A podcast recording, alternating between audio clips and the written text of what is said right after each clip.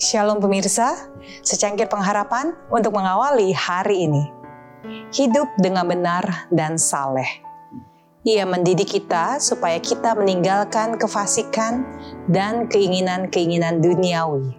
Dan supaya kita hidup bijaksana, adil, dan beribadah di dalam dunia sekarang ini dengan menantikan penggenapan pengharapan kita yang penuh bahagia dan penyataan kemuliaan Allah yang maha besar dan juru selamat kita Yesus Kristus.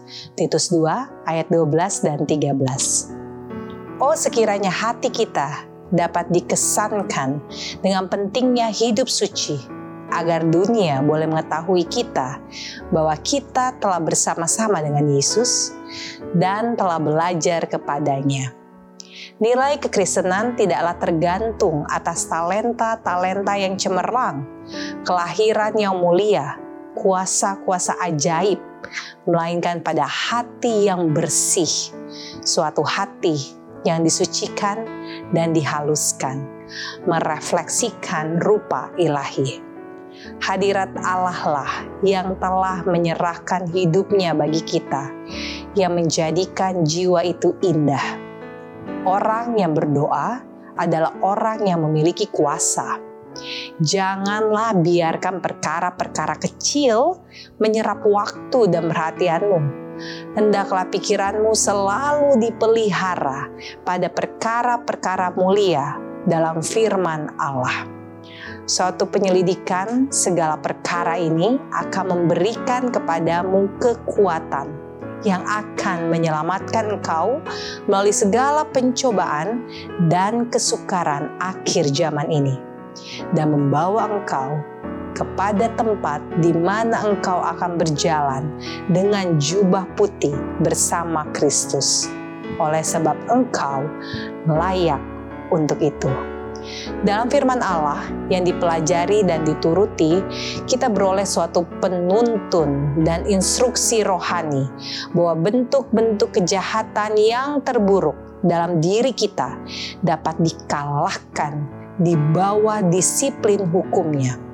Jikalau segala pengajaran ini dijadikan pengaruh yang mengawasi di dalam hidup kita, jikalau pikiran dan hati ditaklukkan kepada kuasanya yang menahan kita, maka segala kejahatan yang sekarang ini terlihat di dalam gereja-gereja dan di dalam keluarga-keluarga tidak akan mendapat tempat. Melalui keluarga-keluarga yang bertobat, berkat-berkat yang paling suci akan turun. Dan dari keluarga-keluarga ini akan keluar suatu pengaruh yang akan membuat umat Allah menjadi suatu kuasa pada pihak kebenaran. Sekaranglah waktunya untuk berjaga-jaga dan berdoa, menjauhkan segala pemanjaan diri, segala kesombongan, segala kepentingan diri saat-saat berharga yang sekarang ini oleh banyak orang digunakan lebih buruk daripada kesia-siaan. Seharusnya digunakan dalam meditasi dan doa. Pada hari ketika Kristus dimahkotai, dia tidak akan mengakui sebagai miliknya sesuatu dari mereka yang cacat atau berkerut atau sejenisnya tetapi kepada umatnya yang setia, dia akan memberikan mahkota kemuliaan kekal. Demikianlah renungan kita hari ini. Selalu mulai harimu dengan secangkir pengharapan.